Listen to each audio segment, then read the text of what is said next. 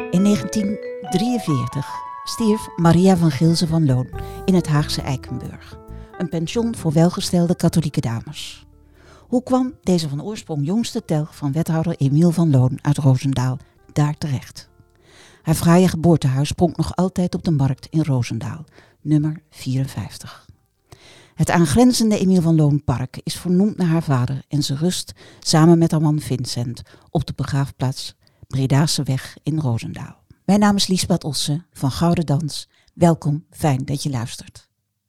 Aanleiding voor deze podcastserie is de danstheatervoorstelling Suiker en het zoete leven van Maria van Loon, die op 17 september 2023 in de Kring in première gaat.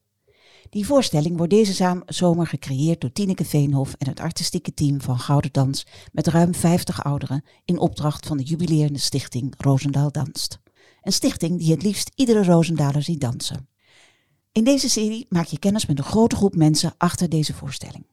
Ieder van hen werkt naar deze voorstelling toe en iedereen heeft vanuit zijn of haar perspectief en eigen vakgebied nagedacht over het leven van Maria van Loon en de tijd waarin ze leefde. Samen onderzoeken we de komende weken wie Maria van Loon was en wat zij betekent voor Roosendaal. Aan de tafel heb ik hier van Museum Tongerlohuis hier in Roosendaal Janine Verster, conservator en Jos Hopstaken, stadshistoricus. Jongens, ontzettend fijn dat jullie er zijn. Hallo, goedemorgen. Ook goedemorgen, dankjewel. Goedemorgen. We beginnen eigenlijk om een beetje, als jullie zouden kunnen helpen daarbij, om een beeld te schetsen van Maria van Loon en vooral de periode waarin zij leefde hier. Ze is geboren in 1878, gestorven in 1943. Um, en de periode dat ze echt heel actief was, zou je kunnen zeggen, is van 1910, 15 tot uh, eh, 1930 ongeveer, denk ik. Jos, misschien iets, ja. Ja, iets ruimer denk ik mag je wel zeggen, maar goed. Hebben we het dan over 1900 tot 1930? 35 uh, vertrekt ze uit Roosendaal, 536. Uh, en dat is denk ik de tijd dat ze ook uh, het meeste naar buiten trad, voor zover ja. ze dat uh, al deed want ja, ze is hier uh, in Roosendaal geboren, zoals je al zei, in 1878. In een rijk en welvarend gezin. Ja. Uh, vader uh, was bierbrouwer en had een enorm kapitaal achter zich staan. Ook vooral dankzij een hele hoop erfenissen. Ze hadden net een heel mooi groot huis aan de markt gebouwd. Dat waar, waar je net nog... Nummer 54. Ja, maar er was toch ook wel een hoop treurnis want ze had maar liefst uh, vier of vijf broertjes die het geen van allen tot de volwassenheid hebben gered. Zij is het enige kind in het gezin wat het overleefd heeft. Wat een drama. Dat is, was in die tijd, kwam dat wel vaker voor, maar het blijft natuurlijk voor de ouders heel dramatisch. En ze is waarschijnlijk, uh, hoe ze opgevoed is verder, weten we niet. Ze, ze, staat altijd hier in Roosendaal ingeschreven. Dus ik kan niet zeggen ze is naar kostschool gegaan. Wellicht is ze toch wel hier naar de nonnen in de Molenstraat op school geweest. Maar het eerste wat we dan horen is wanneer ze in 1902 gaat trouwen. En niet meer met zo iemand. Want daar werd natuurlijk wel in die dagen naar gekeken bij mensen uit die stand. Hè. Dat was, het moest, uh, van, moest, moest iemand van stand zijn en met, de nodige, met het nodige kapitaal.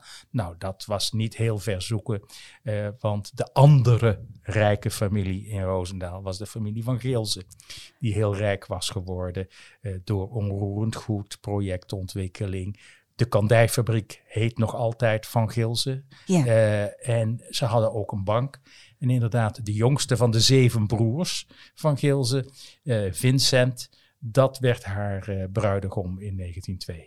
Oké, okay. mag ik heel even terugpakken? Want je zei, vader Emiel was bierbrouwer.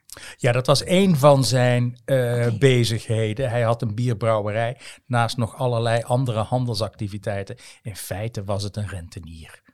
Okay. Man, iemand die van zijn geld leefde en ook een, een, aantal zakelijke belangen had. En daarnaast heeft hij ook nog een tijdje als uh, wethouder uh, gefungeerd uh, hier in, in Roosendaal. in die dagen bepaalde je inkomen of je stemrecht had.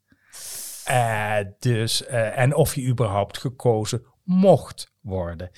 Eh, en eh, hij had natuurlijk voldoende geld.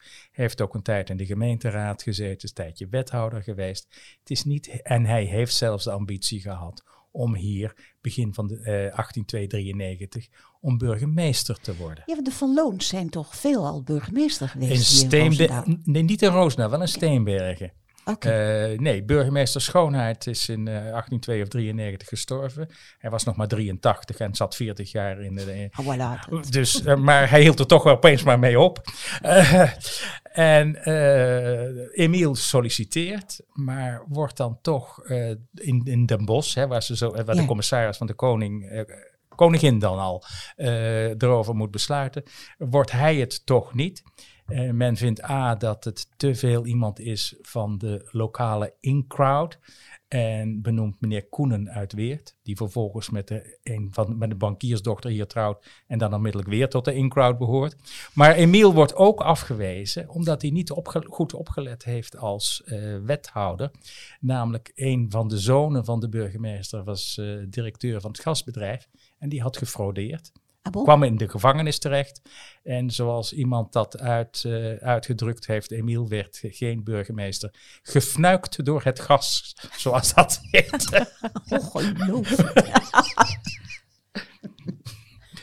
maar, maar goed, eh, dus het zal een teleurgestelde Emiel zijn eh, die, hoe heet het, ja, dan de laatste jaren van zijn leven als ambtela- ambteloos burger zijn centen mocht tellen. Ik snap het.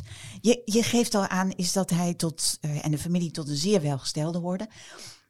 Is het ook zo, is dat er een groot verschil was tussen rijk en arm? Eh, Dat is een enorm verschil. En je he- we hebben bijvoorbeeld uit 1914 een belastingregister.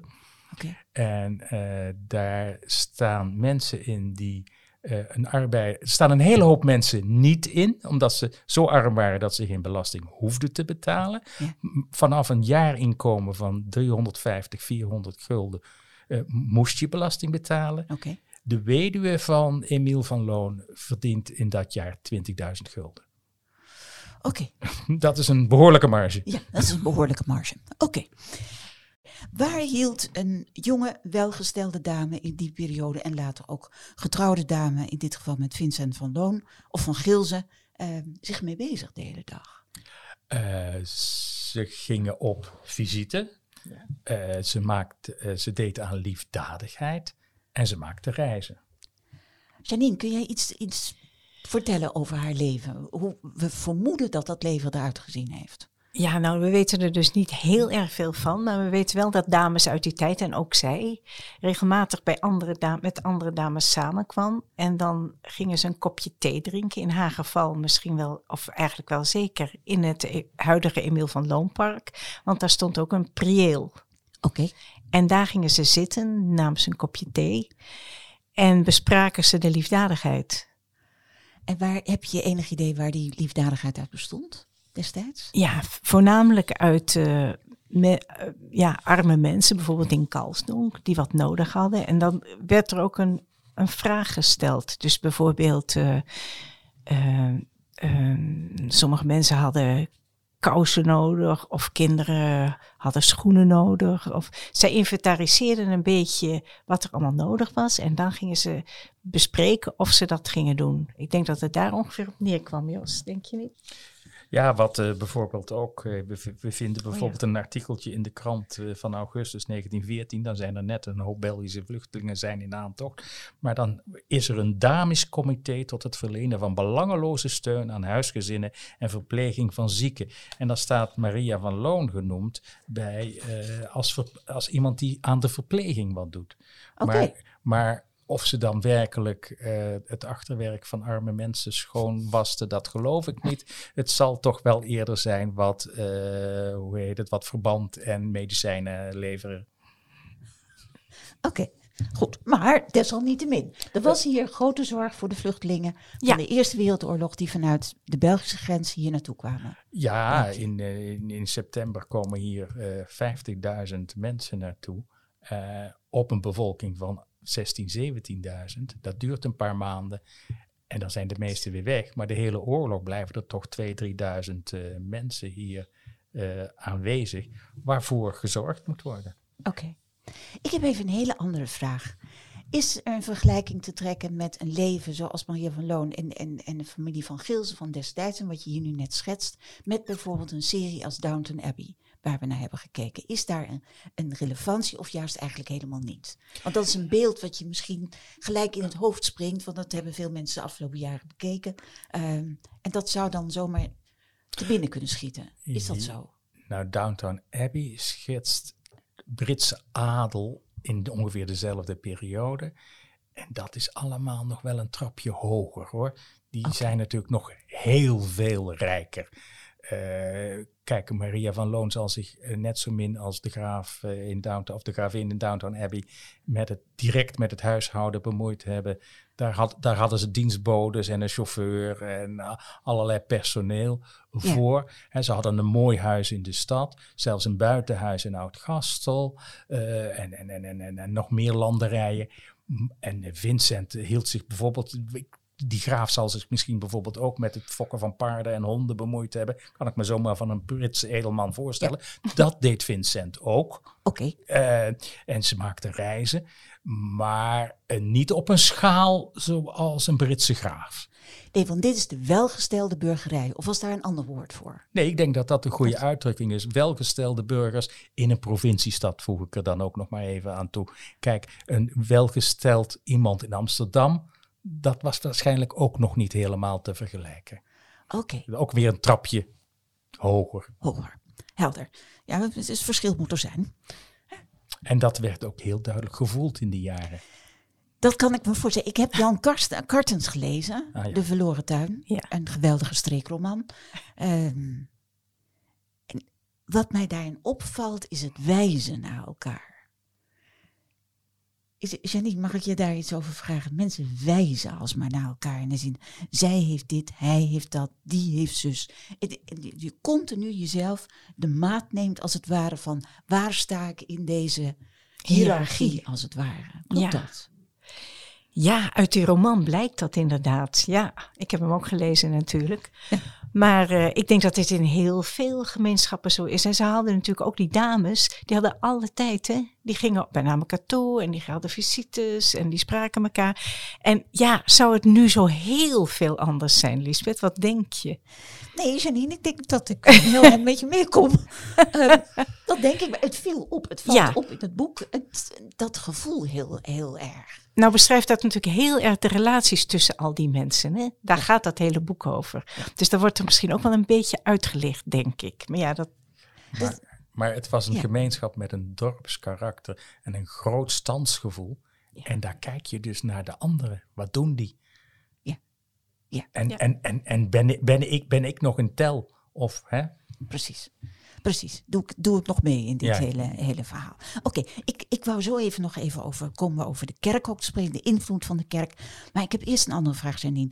Um, want je vertelt ook, dames gaan bij elkaar op bezoek. Um, is, het is bekend dat, dat in die periode uh, Émile Zola, Franse schrijver, naturalist, wat, wat Jos al aangegeven heeft, um, schreef in het paradijs van de vrouw. En dat, dat boek beschrijft het verhaal van de opkomst van Le Printemps, van de eerste grote warenhuizen. En de invloed die dat heeft op vooral ook kleine uh, winkeltjes. Um, en ja, die slokken ze bijna op als het ware, maar waar dames naartoe gaan. Het is bekend dat er in Antwerpen daar ook uh, zo'n zo'n zaak was. Denk je dat Maria van Loon met haar vriendinnen daar naartoe ging? Nou, dat moet ze vast gedaan hebben. Want dat was natuurlijk wel echt een, uh, een belangrijk uitje voor dames van uh, dat niveau en van uit die kringen. Okay. Maar ze had ook een naaister thuis in haar grote Emiel van Loonhuis, zoals we het nu noemen, Markt 54. Dat was een naaikamertje boven bij de badkamer. En daar woonde de naaister. Dus ik denk dat ze ook wel heel erg veel op maat heeft laten maken, zoals ook wel gebruikelijk was in die tijd. Dus dat is eigenlijk de grens van de culturen. Zij droeg nog culturen en de gewone mensen. Gewone, Meer nou gewone. Pret-à-porter ja. heette dat, hè? Ja. ja. Oftewel, ja. Hoe heette dat? Confectie. Confectie. Ja, dankjewel. Ja. ja, dankjewel Jos. Confectie, zo ja. heet dat. Oké, okay, dat, dat is ja, maar dat is een uitje inderdaad naar Antwerpen. Ja. En daar gingen ze in een koets naartoe? Ja. Of met de trein. Of met de, de trein al. Met de ja, trein natuurlijk. Van 1854 konden ze al uh, met de trein. Ja, want Roosendaal is natuurlijk van oudsher hier eigenlijk de poort naar Europa. Ja. En dat was het En zeker naar Antwerpen. Zeker naar Antwerpen. Oké, is er ook een andere vorm van vermaak? Waren er bijvoorbeeld feesten, bals in die periode? Ja. Ja, eh of schoon meneer Pastoor niet erg eh, tevreden was eh, over het dansen.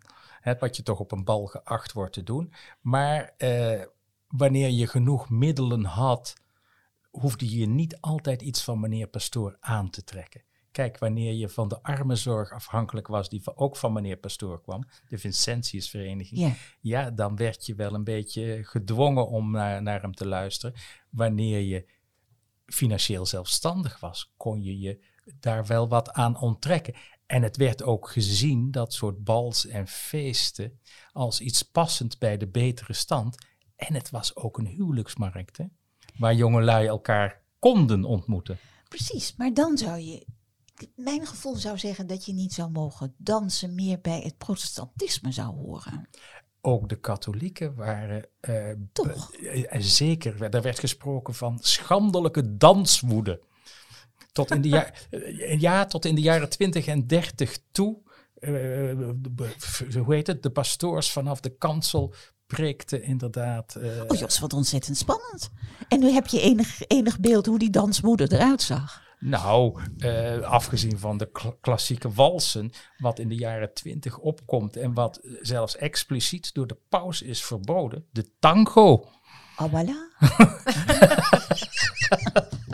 Oké. Omdat die natuurlijk eh, lichamelijk contact veronderstelde. En dat was denk ik waar de kerk moeite mee had. Oké, maar bijvoorbeeld in Charleston, die in de jaren twintig opkomt in de Verenigde Staten. Ja, die zal ook hier, want er zijn dan wel dansleraren in Roosendaal. eh, en daar zal ook, er zullen mensen dat best wel gedaan hebben. En ook niet, ik schets nu dat iedereen braaf naar de pastoor eh, luisterde. Maar eh, voor het oog van het kerkvolk is een bekende studie over Tilburg. En dan zie je toch ook dat mensen eh, zich eh, niet altijd iets aantrekken van wat meneer Pastoor doet. Want als het kermis is of iets in de sfeer van carnaval, dan wordt er gedronken, dan wordt er gefeest. En, maar ja, je weet, er is één mooi eh, ding voor, bij de katholieken. Je kunt het altijd biechten. Geweldige uitvinding, hè? Geweldige uitvinding. Ehm, ja, de katholieke kerk. Even, even terug naar de katholieke kerk. We weten van Maria dat ze kinderloos zijn. Maria en Vincent dat ze kinderloos zijn gebleven. Ehm, dat moet zwaar zijn geweest, die, ook in die tijd. Dat denk ik wel. Te meer omdat alle eh, broers van Vincent een, een, uitgebreide eh, schare kinderen had. Dus eh, ze had van die kant een hele hoop neefjes en nichtjes. Eh, ja, en dat is haar niet gegund geweest. Nee, dat is naar. Heb je, heeft de pastoor daar nog enige vorm van bemoeienis mee gehad? In de zin van ervoor zorgen dat er harder aan gewerkt mogelijkerwijs zou worden? Was ja, dat- dat is een bekend verhaal inderdaad, dat de pastoor bij eh, mensen langskwam om eh, toch eh, te bevorderen dat er meer katholieken zouden komen. Ik denk dat, hoe heet het, er zal wellicht een medische oorzaak zijn geweest. En of de pastoor het gewaagd heeft om Vincent en Maria daarop aan te spreken, dat is voor mij nog wel even de vraag. Oh, dat is interessant. Omdat zij te belangrijk waren daarvoor. Eh, Dus ja, de, de, de- dit, soort mensen, denk ik, had nog wel eh, genoeg zelfvertrouwen om daar, eh, hoe heet het, op te reageren tegen de pastoor. Oké. Ehm, even, even naar de, door over die katholieke kerk. Hoe vaak zo'n zo'n biecht, je noemde hem net al. hoe vaak kwam het voor? Dat je, ging je elke week biechten, elke maand, elke... Ligt eraan hoe zondig je was Ah, natuurlijk. voilà. Ja, dat is ook wel goed.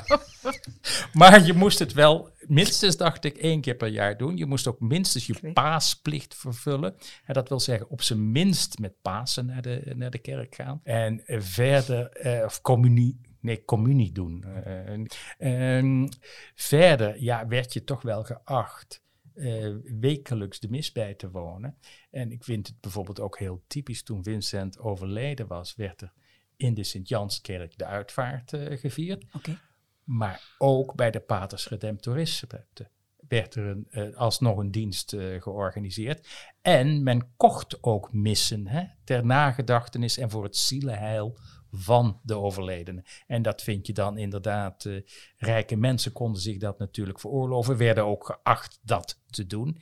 En dan vind je ook dat zowel voor de ouders van Maria als voor haar echtgenoot, dat, dat staat dan allemaal in de krant, uh, dat er dan weer gebedsdiensten of missen zijn die gefinancierd zijn door Maria of door de familie.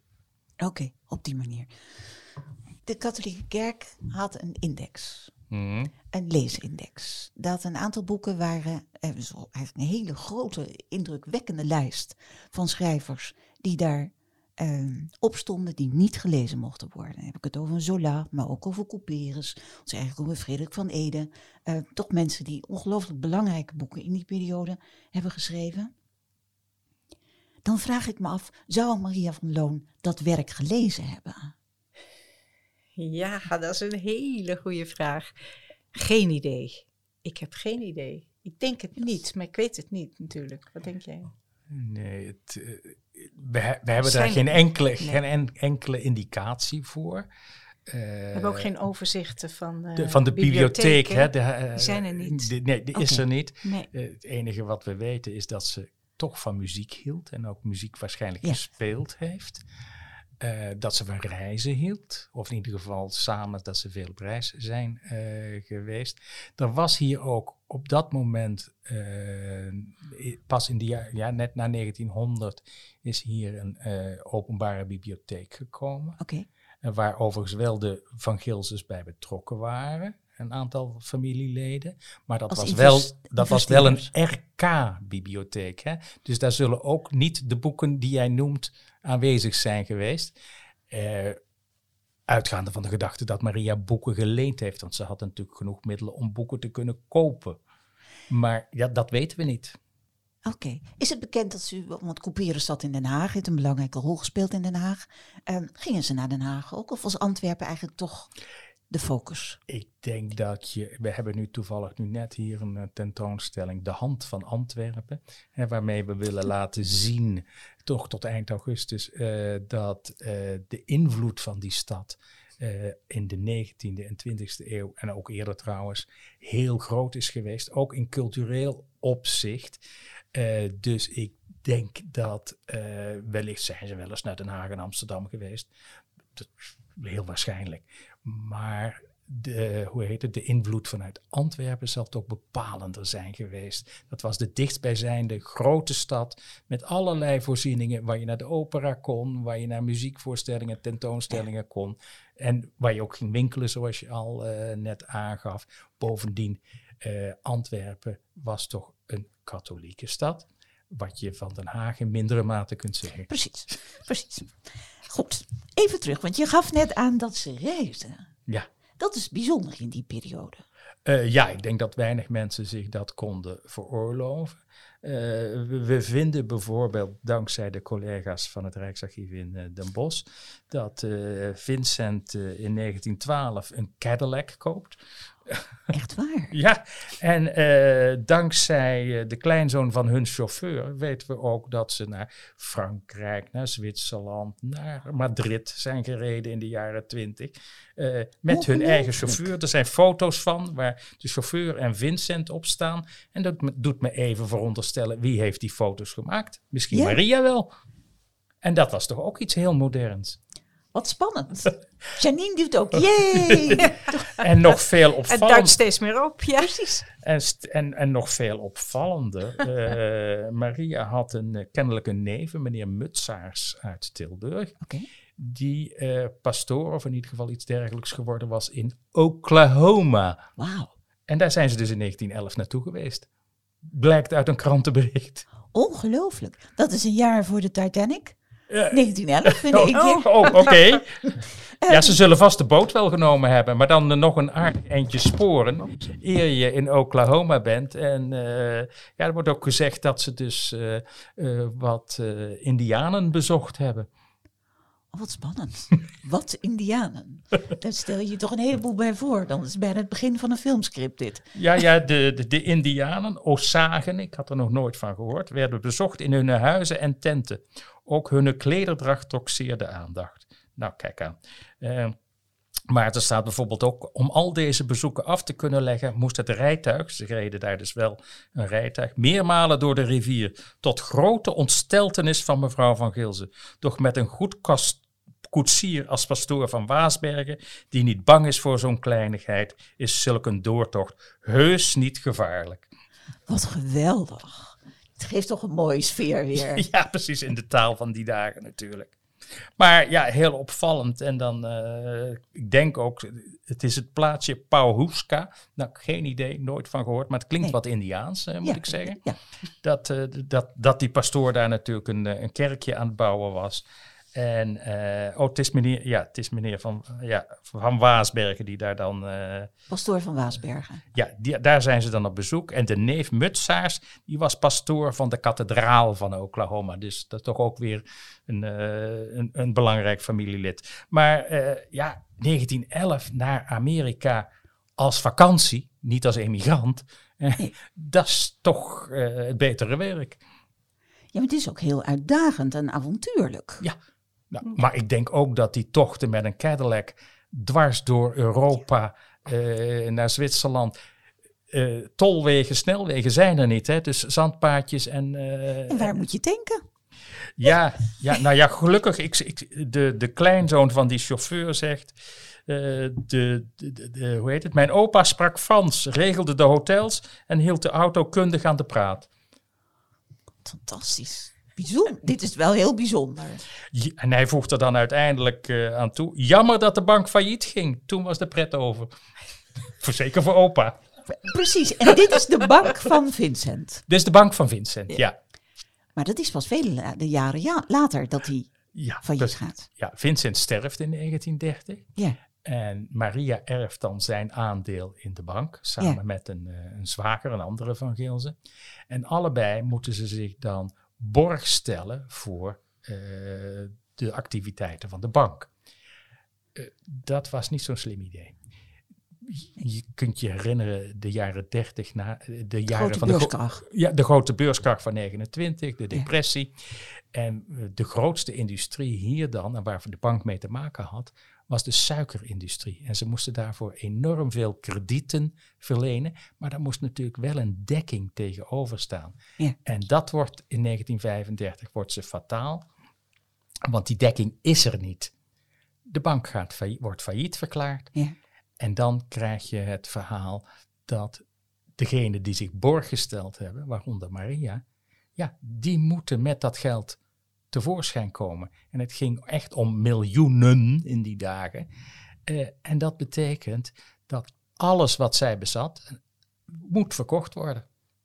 Dus het hele huis, uh, de, de, de aangrenzende tuin, de hele inboedel moet geveild worden bij uh, Mac van Waai. Nou, en Janine heeft hier de, de, de catalogus liggen van wat er allemaal in dat huis aanwezig was. Janine, kan je een kleine greep doen uit de hele bijzondere dingen. Het, huis was natuurlijk een heel groot huis. Ja, het was een heel groot huis met heel veel spullen natuurlijk.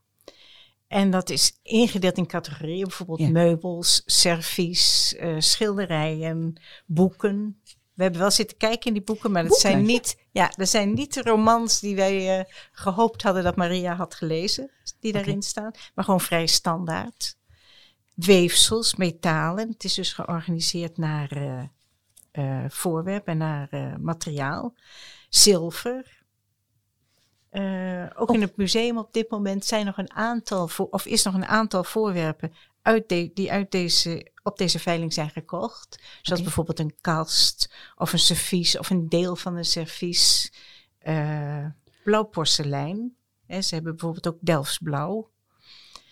Um, ja, je krijgt door, als je deze veilingcatalogus bekijkt, krijg je echt een, wel een idee van hoe zo'n inrichting eruit heeft moeten, gezien moet hebben. Ja, ging het ook om kleding van haar, omdat haar kleding genaaid werd en couturekleding was?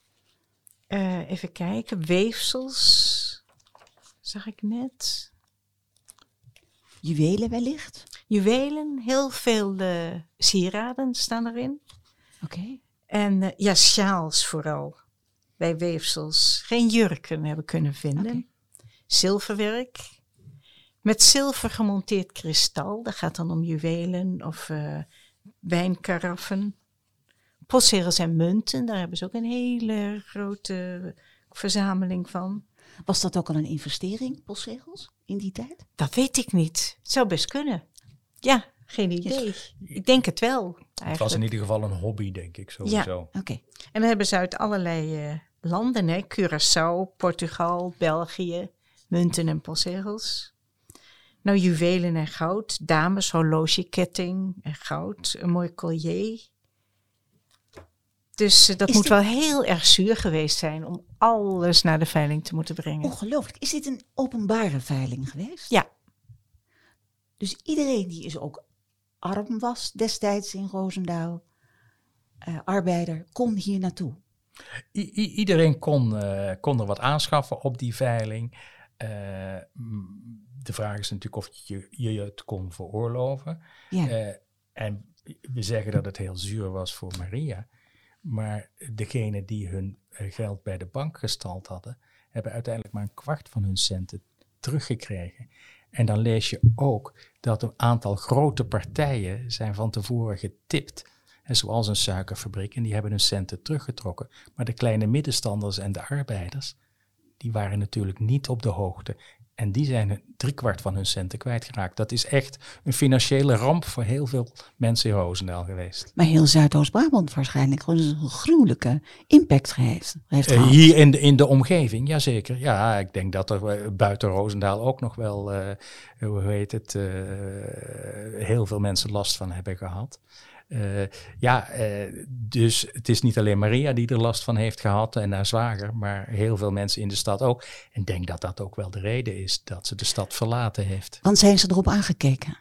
Dat eh, denk ik wel, ja. Ik bedoel, nog vele jaren later, ik denk bijvoorbeeld aan mijn grootouders, ja, het faillissement van de bank van Van Geelze, zonder dat ze daar zelf last van hadden gehad, ja, dat was wel een verhaal. Oké, ja, goed. Het is goed dat we die memoreren. Ehm, even, want we- gaan langzamerhand afronden, dit gesprek. Ze is vervolgens is ze vertrokken. En waar is ze terecht gekomen? Ik heb het aangegeven in het begin in Eikenburg in Den Haag. Ehm, hoe is ze daar terecht gekomen? Want Eikenburg bestaat nog steeds, is overigens nu nog steeds een verzorgingshuis. Opgericht ooit als katholieke verzorgingshuis, rusthuis voor welgestelde dames. Ehm, ik heb begrepen dat haar moeder, Maria van Weel, Roosendaalse, ook daarin geïnvesteerd had. Klopt dat? Ja. Ik, ik- ik denk dat dat inderdaad eh, klopt. Dat zal wel geholpen hebben om daar binnen te komen. Ja, zelf zal ze weinig of geen middelen meer hebben gehad. En zal ze dus afhankelijk zijn geweest van familieleden die haar verblijf daar wilden ondersteunen. En eh, dat deden ze dan ook wel een beetje om de eer van de familie. Eh, Ik bedoel, eh, je- je- ze hadden ook niks kunnen doen. Maar hè, afgezien van emotionele betrokkenheid, de familie eer gebood wel dat ze op een keurige plaats haar laatste dagen zou slijten. Oké, ja, begrijp ik. Ik wil jullie heel hartelijk danken. Heb ik iets heel cruciaals gemist in het leven van Maria? Nou, dat is een goede vraag, maar ik denk het haast niet. Nee, ik denk dat we wat we weten, Ja, hoe, het weinige dat we weten, eh, dat we dat nu wel eh, besproken hebben. oké. Dan wil ik jullie heel hartelijk danken eh, voor dit gesprek. Dankjewel. Nou, jij ook bedankt. Oké. In de volgende aflevering voeren we twee gesprekken met zes dansers die al wekenlang repeteren voor de voorstelling. Ze lazen allemaal De Verloren Tuin, een boek van Jan Kartens. De Roosendaalse Neerlandicus en later schrijver en dichter, die leefde van 1929 tot 2007. Hij zette zichzelf op de kaart met een autobiografisch werk, Een Roomse jeugd uit 1980, over de jaren 20 tot 40 in Roosendaal. Hij brak eigenlijk pas laat door met zijn romans, die allemaal over het wel en wee in Roosendaal gaan. Meestal vanuit het perspectief van een paar karakters schetste hij het leven van alle dag. Streekromans die je moeiteloos meenemen naar de tijd van toen. Zo ook een van zijn latere werken, De Verloren Tuin. Als je de door Kartens gebruikte familienamen zou vervangen door namen als Van Loon, Van Gilze of Van Weel, leest het boek bijna als de biografie van deze families. Maar dat is voor aflevering 2. En dan is het nu tijd om te dansen. In de voorstelling trouwt Maria met haar Vincent en op het huwelijk dansen ze een fraaie huwelijksdans. Mirjam Visser maakte op muziek van G. Bijvoet een geweldige dans. Zij praat u er doorheen en ze danst met u mee. Ga staan, houd een stoel bij de hand en daar gaan we. Goed, let op, sta lekker rechtop.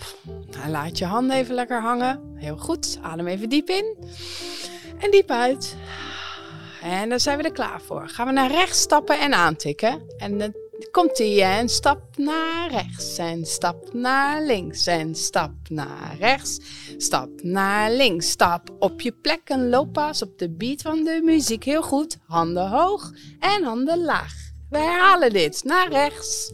En je armen gaan lekker mee. En nog een keer rechts.